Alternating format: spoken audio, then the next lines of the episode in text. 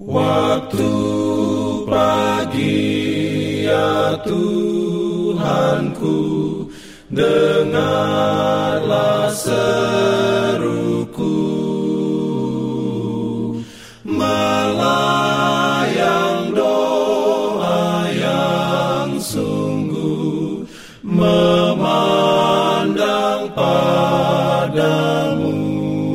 pagi pendengar Radio Advent Suara Pengharapan.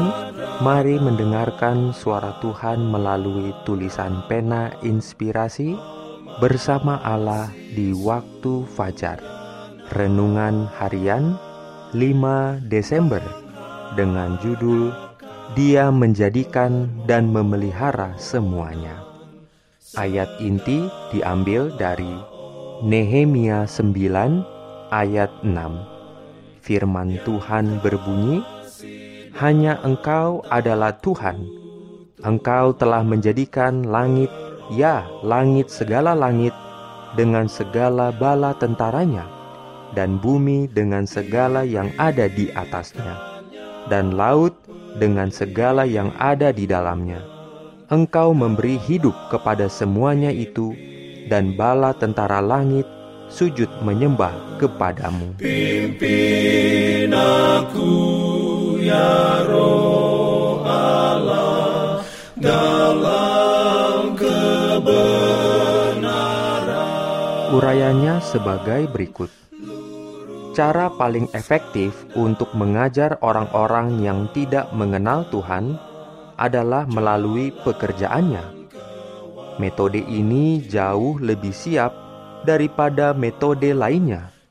Mereka dapat dibuat untuk menyadari perbedaan antara berhala mereka, karya tangan mereka sendiri, dan Tuhan yang benar, Pencipta langit dan bumi.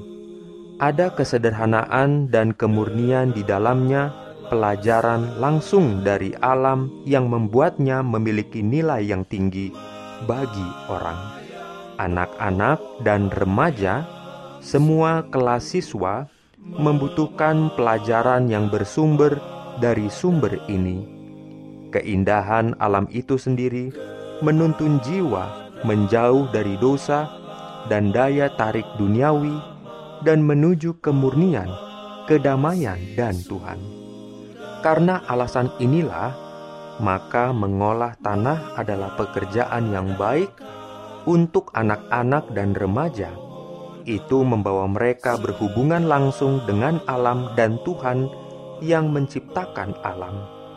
Dan agar mereka memiliki manfaat ini, harus ada sejauh mungkin sekolah kita, taman bunga yang luas, dan lahan yang luas untuk bercocok tanam. Di dunia alam, Tuhan telah menempatkan di tangan anak-anak manusia kunci untuk membuka rumah harta karun firman-Nya yang tak terlihat diilustrasikan dengan yang terlihat. Hikmat ilahi, kebenaran abadi, kasih karunia yang tak terbatas dipahami oleh hal-hal yang diciptakan Tuhan.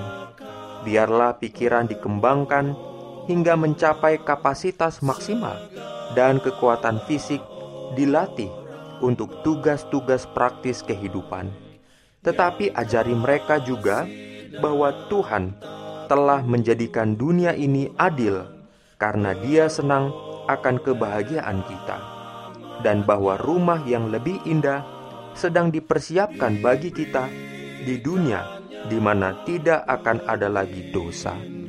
Amin.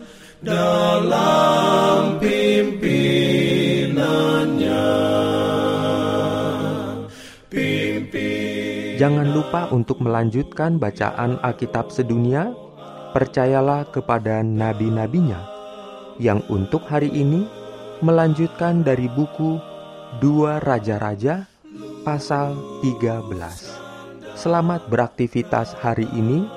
Tuhan memberkati kita semua. Jalan kewajiban. Jalan Yugoslav.